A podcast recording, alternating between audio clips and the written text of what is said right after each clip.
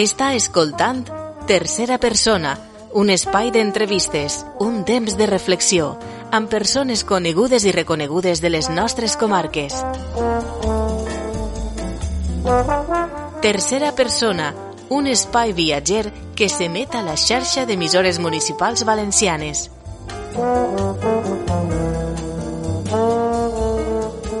Els pobles i el veïnat de la comarca de la Serrania.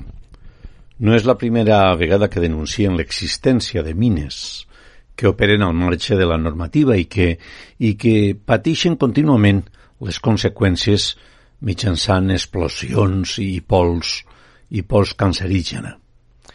Si més no a la població del Villar, els treballs de la mina Mercedes de l'empresa Arsigrés han enfrontat el poble. Les excavacions les fan tan sols a uns 20 metres dels primers habitatges i, segons el regidor de Medi Ambient, eh, Lluís Suyer, s'haurien de fer com a mínim a 500 metres de les vivendes disseminades. La conseqüència de la mineria a cel obert són, són directes i són directes per a les poblacions afectades, bàsicament. Pràcticament cada dia poden sentir les explosions d'aquestes explotacions mineres de les cases, però el més greu de tot segurament és la pols de sílice que els entra per les finestres. Aquesta substància, eh, qualificada com a cancerígena, que afecta els pulmons, pot provocar fins i tot silicosi a llarg termini una inflamació greu als òrgans i ganglis limfàtics del tòrax. Això cal afegir-li els efectes en els aquífers, ja que s'ha sabut que almenys al terme del Villar han pogut eh, constatar la desaparició d'unes 5 o 6 fonts. La situació ha, to ha torbat l'ambient d'alguns municipis des de fa anys. El malestar és palpable entre la població i els treballadors de les mines que han han adoptat una actitud eh, agressiva. Per a conèixer en profunditat la problemàtica i informar la ciutadania, l'Ajuntament del Villar ha tornat a organitzar aquest cap de setmana, o almenys fa uns caps de setmana, la vuitena jornada de la mineria i medi ambient, on s'han tractat temes com la mineria sostenible i la qualitat de l'aire.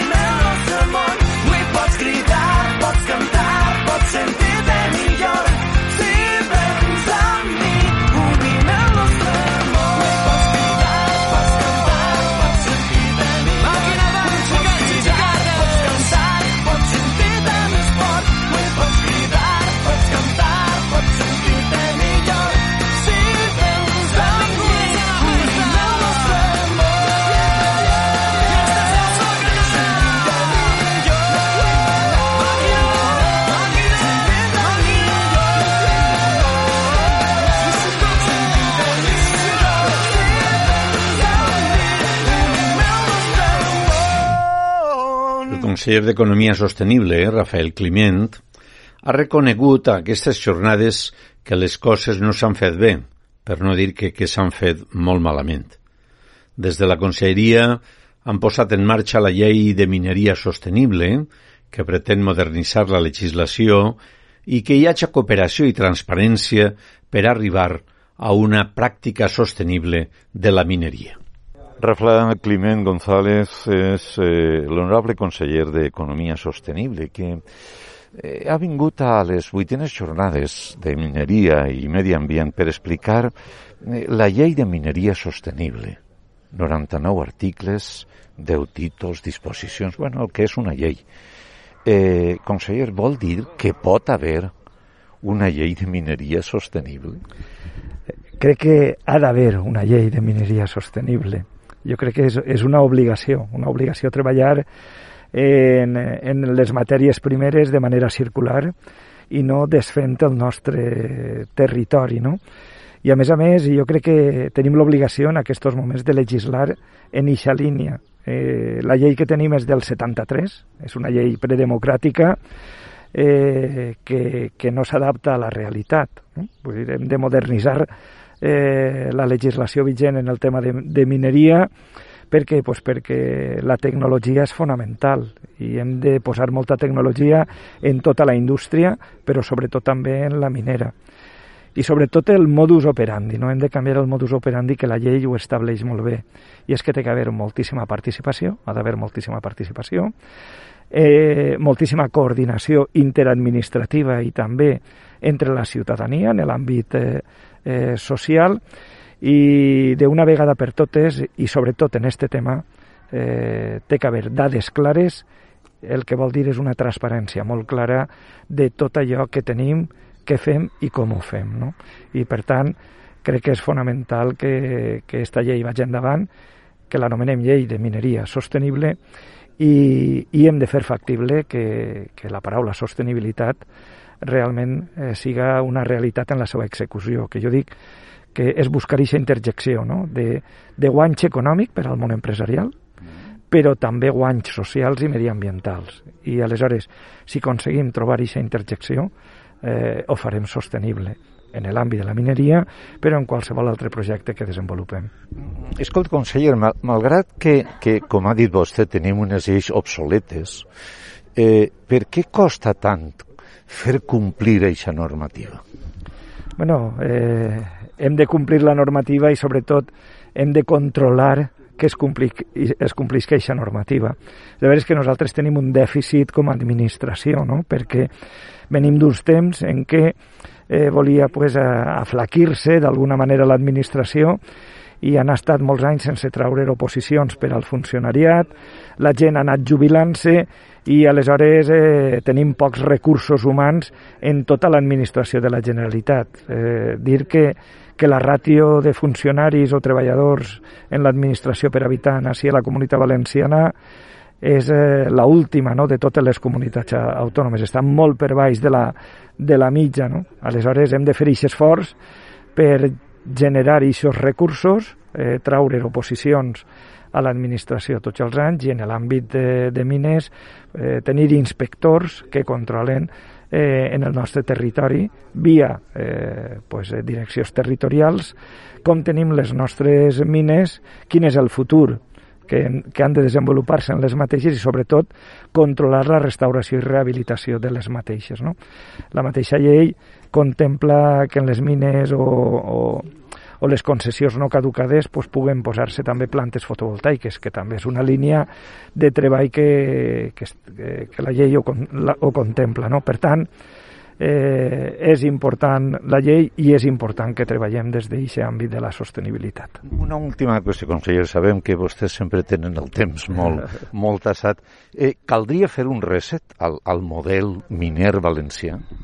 pues, eh, probablement sí. Eh, caldria fer un, un reset i, i fer una anàlisi prèvia de, de quines són les necessitats reals que pot tenir la nostra indústria. Eh, pues en este cas la indústria del tauler, la indústria ceràmica o fins i tot la indústria de la construcció o les infraestructures que hem de desenvolupar a, al llarg de tot el, el territori i veure les necessitats eh, extractives que, que tenim no? i sobretot els recursos que tenim pues, per a poder usar-los d'una manera racional. No? Per tant, jo crec que hem de fer un reset i, i crec que aquesta llei va donar-nos la possibilitat de, de fer-lo, d'analitzar-lo, de, de tindre-ho grafiat i saber eh, on podrem tindre l'activitat extractiva minera i on no i què hem de fer de totes i cadascuna de les mines que s'han de restaurar i com les hem de restaurar. No? Aleshores, eh, és qüestió de fer aquesta reflexió, i aquest repensament, que de fet jo crec que estem fent-lo perquè hem tingut per arribar així moltíssimes reunions, tant en el sector com també en l'àmbit social, ajuntaments i demés, i és lent, i això és el que més greu em sembla, però sí que tenim que anar cap a aquest camí, fer un reset, repensar i fer mineria extractiva d'una altra manera.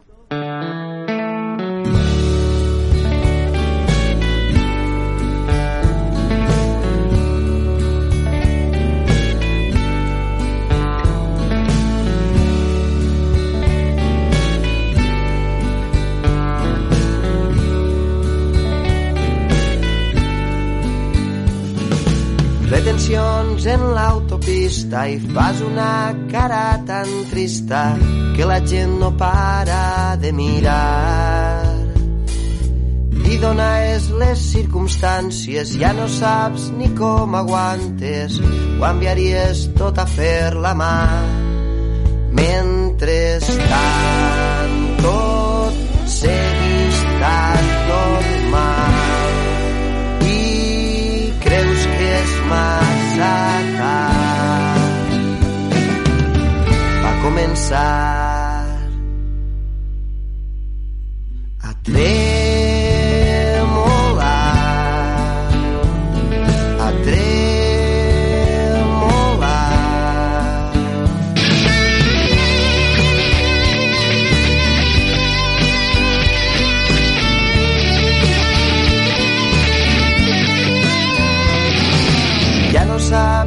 que t'estimes, penses a soles mentre diners en el teu lloc de treball. I cada vespre que passes pensant en aquell dissabte a catxes un poc més el cap i tu tan en silenci tan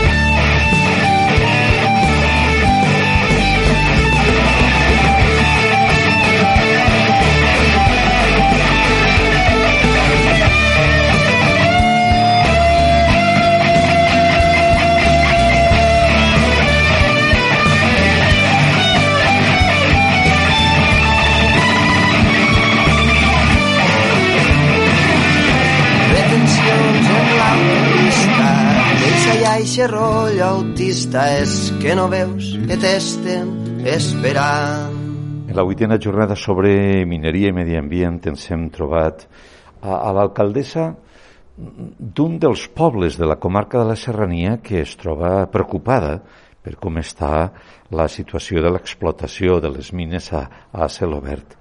Eh, señora alcaldesa, ¿se están haciendo cosas para mejorar esta situación? Yo, yo creo que, que sí, que se iba trabajando sobre todo desde la anterior legislatura y como continuidad en esta. Pero sí que es verdad, y como ya ha dicho el conseller, que a todos, a la ciudadanía en general, nos gustaría que, las cosas fuesen más rápido. Pero como también ha explicado el conseller, pues la administración es muy garantista y los pasitos, se van dando pasitos, lo que pasa pues que a todos nos gustaría que fuese más deprisa. Como ha comentado también el concejal, desde la anterior legislatura se ha llevado a cabo el, el desvío de camiones. Eh, al principio pasaban 300, desde hace dos años pasan 100, pero desde hace tres semanas con, con, la obra del puente viejo ya no van a pasar ningún tipo de vehículo pesado por lo que es casco urbano ni la zona escolar que pasaban tan solo hace unos meses. Entonces, pues poco a poco se van consiguiendo cosas. La ordenanza minera también se está trabajando en ella desde hace dos años. Sabemos también, pues como ha dicho el conseller, la ley llevan seis años con la ley de minería. Pues la ordenanza, que es nuestra pequeña ley, pues también llevamos trabajando desde hace dos años, estamos ya en la fase de estudio de la tasa, eh, ya ha pasado la exposición, la primera exposición pública, ahora estamos y vamos poquito a poco eh, trabajando sin descansar, pero es verdad pues que a todos nos gustaría que ver más rápido las las consecuencias del trabajo. Eh, este no es solo un problema de Villar, es un problema que afectan más pueblos. No sé si hay coordinación, conexión entre los alcaldes, alcaldesas. Desde la mancomunidad se está trabajando también, eh, se ha creado un grupo de trabajo, porque aparte de Villar, pues Domeño también tiene la problemática, lo tiene Gueruelas, lo tiene Andilla, bueno, prácticamente pues muchísimos pueblos de la comarca, y sí que es verdad que se ha creado un grupo de trabajo pues también para abordar conjuntamente eh, la problemática y con el sector, porque al final también el sector es una parte importante y hay que ir de la mano, hay que ir de la mano y proponer pues soluciones y alternativas y, y poder trabajar todos, que también es lo que queremos, que dentro de la legalidad todos quepamos. Escucha, y cuando las partes no se quieren sentar o hacen difícil el diálogo, ¿qué, qué, qué, se hace? nosotros, la verdad que con, con el sector minero, yo como alcaldesa tengo que reconocer que no he tenido ningún problema. Cuando los he llamado se han sentado, eh, han estado abiertos al diálogo, vía mancomunidad se han sentado muchas veces. Es verdad pues que a nivel local hay rencillas antiguas que a veces son piedras en el camino, pero bueno, hay que trabajar. Yo siempre digo que, que con el diálogo, y yo soy una persona de diálogo, creo, y que, oye, con esfuerzo y tesón al final se gana los sitios. Y, y algún día, algún día resolveremos el impacto de las minas.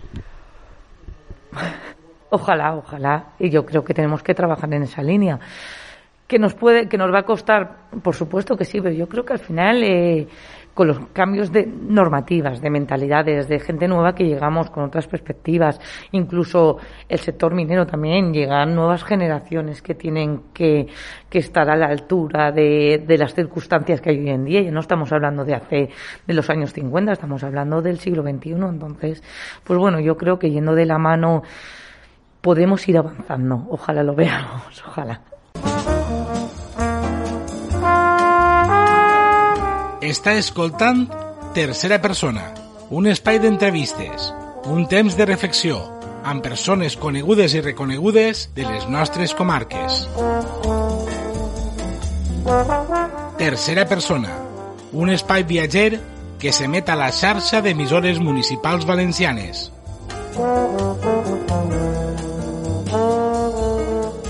En unes jornades sobre mineria, i més a la comarca de la Serrania del País Valencià.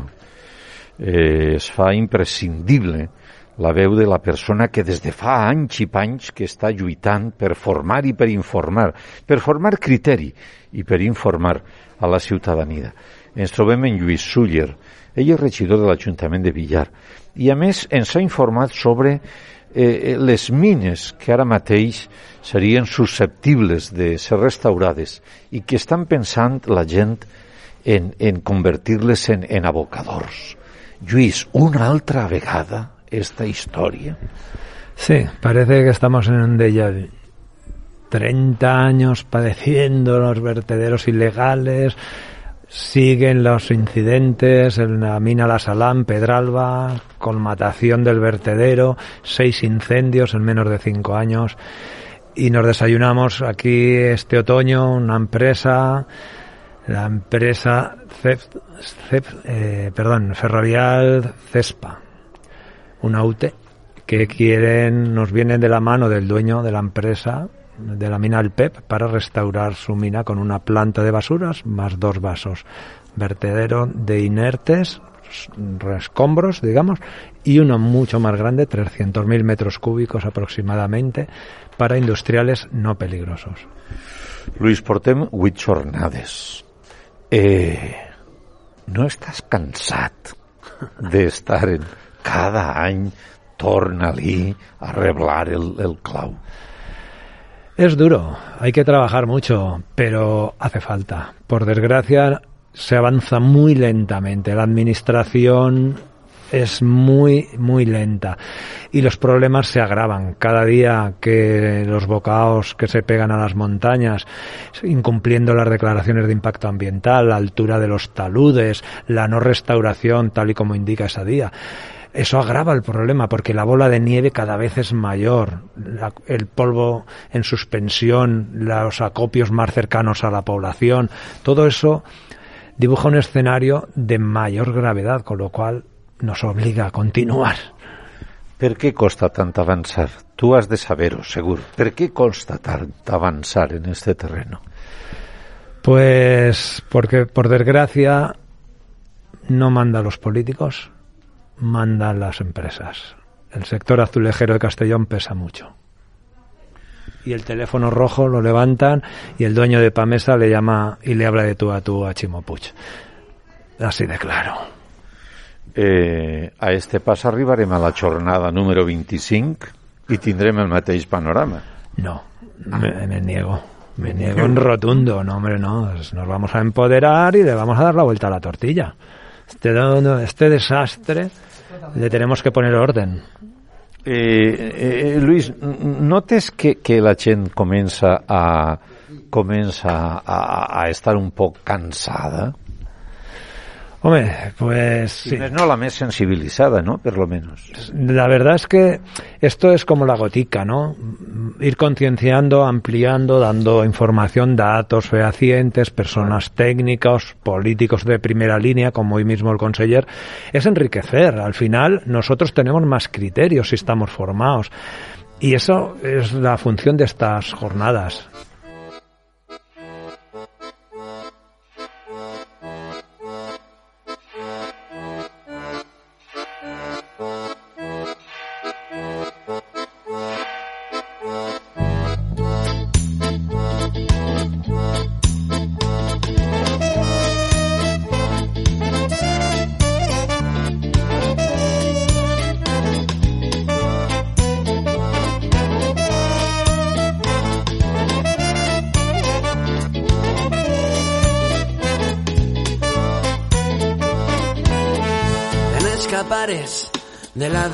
Presó. No ets lliure, eres més pres que mai. Fugint te'n deia, te la trobes de front pels carrerons del teu pensament. T'amagues lluny, la seua imatge és a prop de tu, et fa presoner i reps tortura i si excites la sents llunyana i prop sempre a tu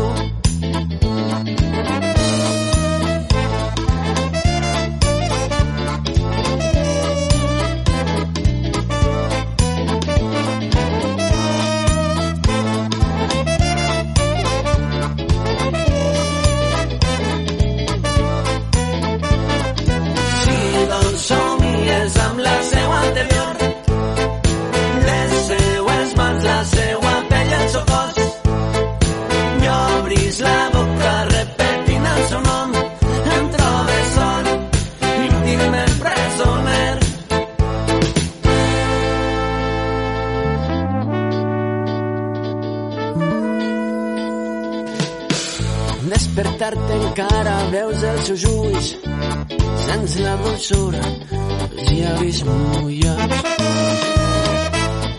Recordes l'aroma del seu perfum, l'olor anhelada de matinada.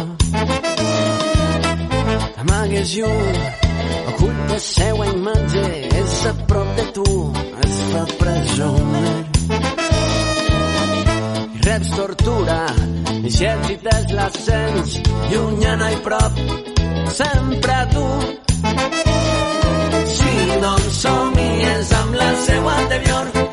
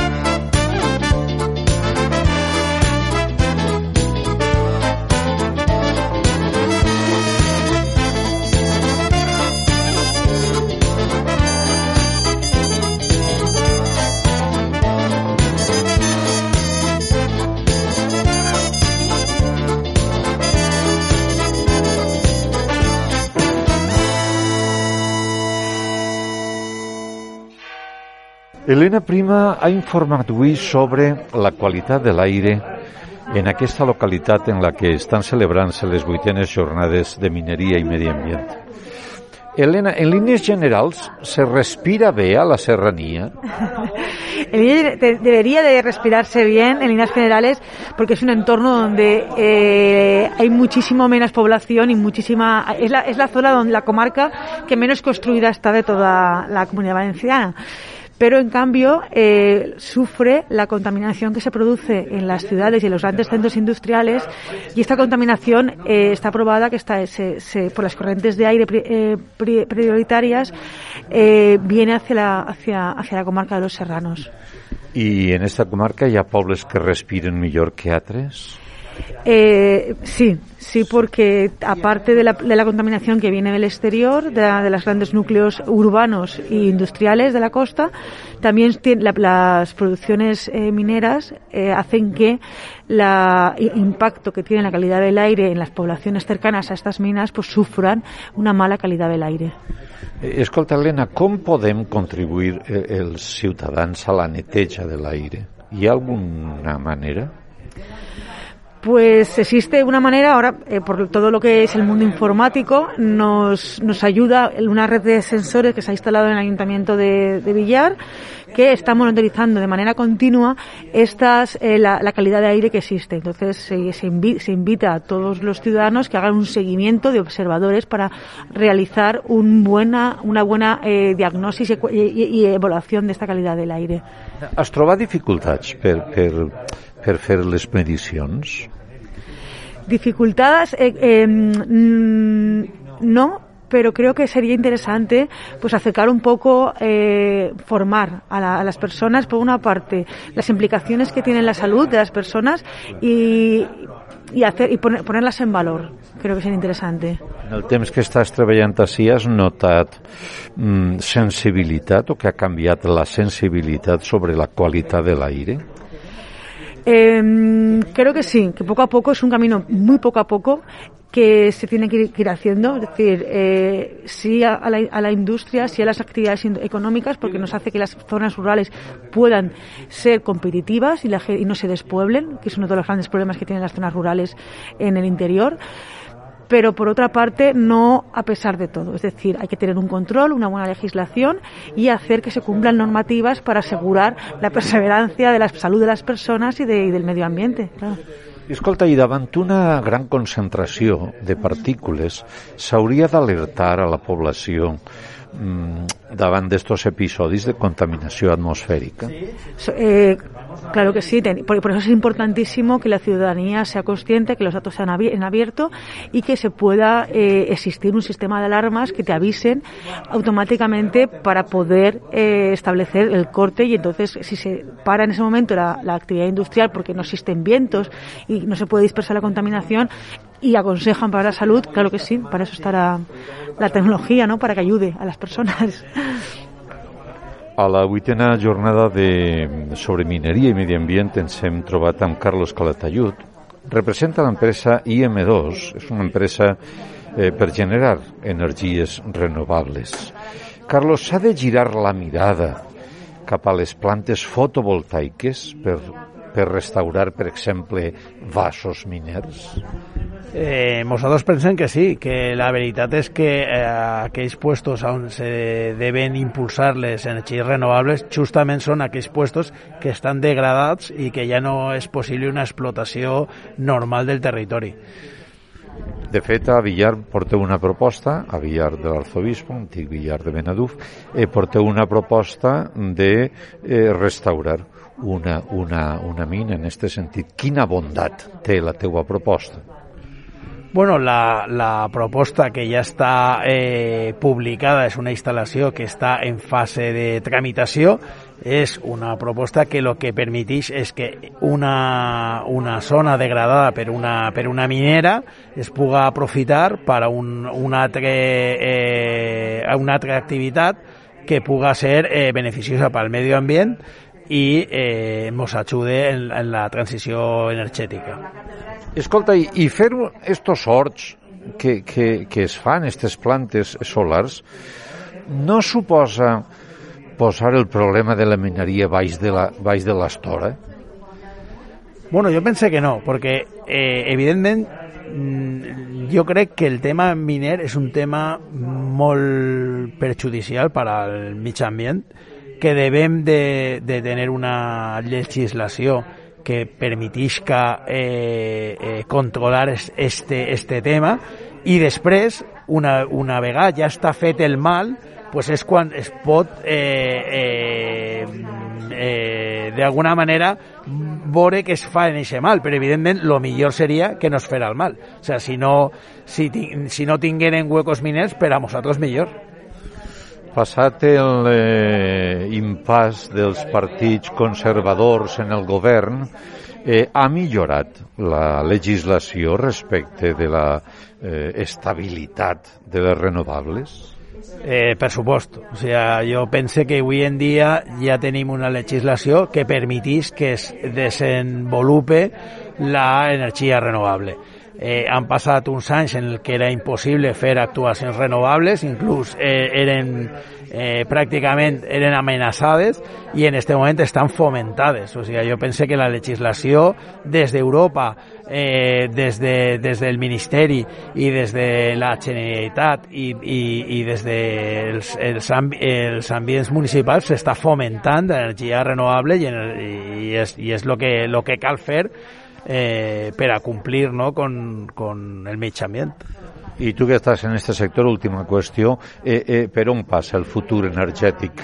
Perquè està clar, vale, el, eh, el cotxe elèctric, però i, i els grans camions i, i, i aquests transports, eh, per on passa? Com podem moure això?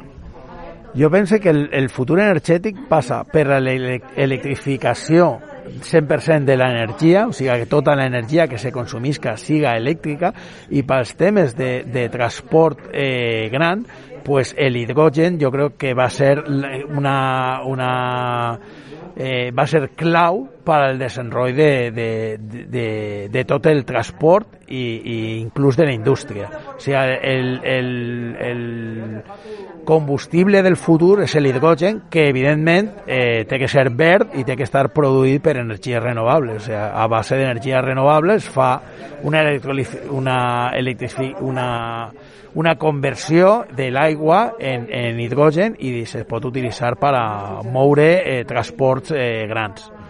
Esteu ja estudiant això? Esteu en aquest tema ja des de IM2? Sí, sí, des de IM2 ja tenim diverses eh, vies obertes a este tema, estem col·laborant con eh, universitats i ja tenim tres o quatre plantes que estan en, en fase de desarrollo temprà, però desarrollo.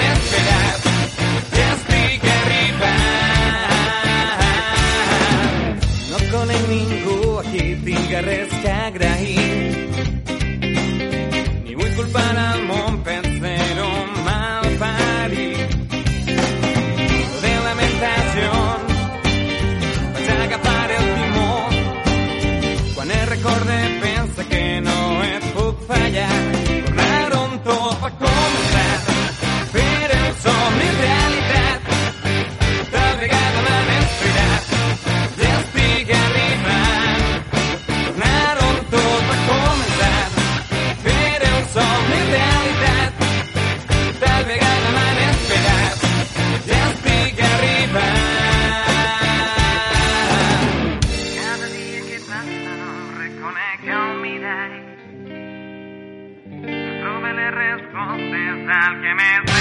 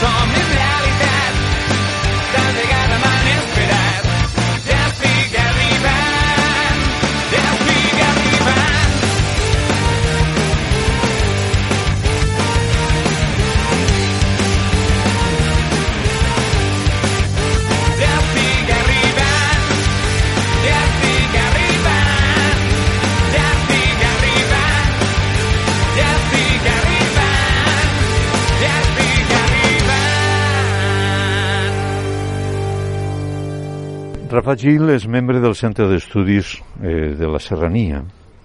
Rafa, huit anys reblant el clau de la mineria no són molts anys? són, són molts anys i, a més, poc productius. I és el problema. Hem avançat molt poquet eh, a soles en aquests moments en la sensibilitat, sobretot de, dels equips de govern d'alguns pobles, no? Però, clar, eh, arrastrem eh, segles ja, eh, més d'un segle en el tema de la mineria, que ha canviat molt l'explotació i encara eh, i, i resulta que ni les lleis ni la sensibilitat social ha estat a l'altura de les circumstàncies. Escolta, i per què cal continuar posant el focus sobre la mineria de la serrania? Eh, però és evidentment que som històricament productors de, tant d'argila com de sílices i caolines. I entonces, què, què passa? Pues que va passar d'una mineria eh, molt pobre tècnicament de, de galeries i on se, des, se, se desechava l'argila a una explotació a cielo obert que eh, utilitza unes tècniques eh, bastant eh, complicades, eh, per, gran, gran maquinària i explosius. I entonces, clar, eh, tenim eh, una legislació encara en aquests moments molt eh, en la visió de l'explotació minera d'Astúries i de León i que no contempla la idiosincràsia de, la, de, la nostra, eh, de les nostres explotacions mineres. Centre d'estudis, què li importa al centre d'estudis la mineria? Home, el centre d'estudis eh, aporta la sensibilitat de gent de cultura i gent de visió ecològica, porta la visió de futur i entonces és evident que, que la mineria eh, fa falta, però té que canviar la legislació al respecte de la, de la, de la natura, el respecte de, del medi ambient, que contribuís no solament en un tema econòmic, sinó afecta a la salut de les persones. Carles Rodrigo Alfonso és, és un geògraf de, de prestigi. És una persona que porta anys i panys eh, divulgant eh, la seva perspectiva com a, com a geògraf, com a investigador del territori. De fet, ja fa anys que va editar i divulgar l'aproximació històrica a la serrania, una aproximació geogràfica, però curiosament, enguany, ha estat premiat amb el Premi Bernat Capó de Cultura Popular. Ens l'hem trobat en aquesta vuitena jornada de, de mineria i medi ambient i, i, i em ve una pregunta. Per, per què li interessa a un geògraf la situació de la mineria en la serrania? Bueno, eh, m'interessa per una banda per, el, eh, per la meva estima i contacte, no? anem a dir així directament en la serrania i tot allò que afecta a la serrania pues és una qüestió que per això té un interès personal. Això seria, anem a insistir que en lo personal. Eh, respecte a allò que estàs comentant de la vinculació amb la geografia, anem a dir que al cap i a la fi el territori, com estàs dient, la geografia s'interessa per el territori i per tots els components d'aquest territori i per totes les problemàtiques que li afecten. I clar, parlar de la serrania, en bona part, és fer referència precisament a la mineria i aquest gran impacte territorial que ho estava comentant ara una persona, quan vens amb alguna persona de fora de la, de la comarca i arriba a la part baixa de la serrania i veu el paisatge, es queden realment bocabadats, no? Vull dir, és que malauradament ja estem acostumats, entre cometes, a això de l'acostumats, pues no ho valoren tant, però bueno, sí, jo crec que és una qüestió que és que és omnipresent, que és una problemàtica molt important, que no està valorada en la seva justa eh, mesura i que cal tenir, per tant, en, en consideració. Eh, eh, eh, ha canviat tant el, el paisatge des de l'aproximació a la història de la serrania, un punt de vista geogràfic, eh, fins ara? Sí, estem parlant d'un paisatge que fins a mitjan segle XX, en realitat, i paisatge, ha hagut una evolució. El paisatge no és un no és un element immutable. El paisatge va mudant i va evolucionant en el temps, evidentment, i no podem parlar del paisatge de la serrania o d'on siga com si fora únic, no? Va mudant. No és el mateix el de finals del segle XIX que el de 1940 que el de l'actualitat. Però és cert que pel que fa a la serrania, clar, fins a la dècada de 1960 la mineria no tenia eh, l'impacte que té, que té en l'actualitat i que té en les darreres dècades per dues qüestions. Una, per el volum de material que s'extraïa d'elles i per altra banda perquè les tècniques bàsicament era una mineria subterrània i per tant l'impacte era mm, en superfície era, era menor però clar, des de la dècada de 1960 no ha parat de, de créixer perquè precisament els dos motius l'augment de la demanda per abastir la indústria ceràmica i altres, i altres indústries s'ha multiplicat i per altra banda està aquesta extracció a cel obert que bueno, l'impacte és brutal I, i influeix això en, en la vida de les persones? Sí, influeix per una sèrie de qüestions. Per una banda, perquè n'hi ha un dret que a voltes és un dret fonamental de les persones que no sempre està reconegut i és el dret a gaudir d'un entorn en condicions, d'un entorn saludable, d'un paisatge. És una qüestió que en els últims anys ja comença a valorar-se, però que anteriorment no es tenia en compte. I, clar, eh, les persones que viuen a la serrania tenen dret a tindre un, un entorn i un paisatge en condicions. Això seria a nivell insistís que entorn, paisatge, i n'hi ha una segona variable, i és que l'activitat minera genera un gran, té unes conseqüències molt negatives a nivell de contaminació. I estaríem parlant d'algo que precisament s'està posant en aquests moments, que és l'efecte que té en la salut de les persones, tot eixa pols, tot aquests materials que com a conseqüència de l'activitat minera, pues, al final el vent va transportant i per altra banda també el que és la contaminació dels aqüífers, que també és una altra qüestió fonamental de la vida de les persones, eh, per simplificar-ho. Eh, eh, ja suposa que, que, que, que no es pot posar fre, però s'hauria de limitar eh, el volum de material eh, extractiu?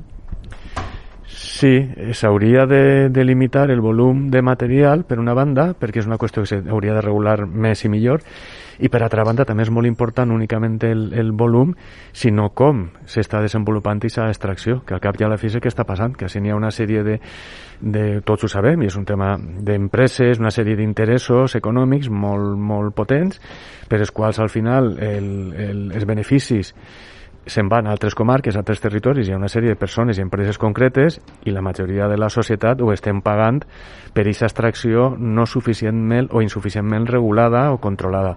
I això seria un poc la base. No és només una qüestió de quantitat, sinó de com se desenvolupa aquest procés extractiu. La joventut de demà ens passarà factura. Suposa i quasi diria que espere que sí, perquè si realment no hem pogut eh, treballar i anem a dir i col·laborar en el que és el manteniment del medi com es corresponia i la nostra obligació pues desgraciadament la sensibilització de la societat no sempre, però bueno, crec que sí que va, va incrementant-se i arribarà un moment que aquesta joventut pues, ens tindrà que demanar explicacions i ho faran en tota, en tota, en tota la raó del món.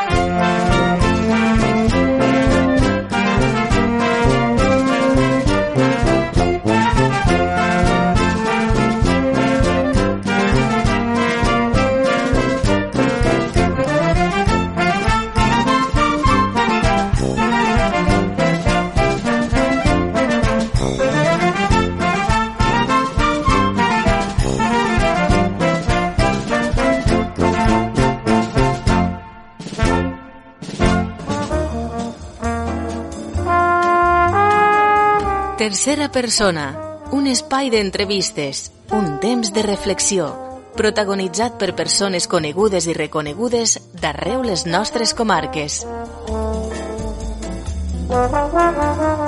Tercera persona, un espai viatger de Ràdio Pego amb Seiki Castellano. Escolta'l a la xarxa d'emissores municipals valencianes.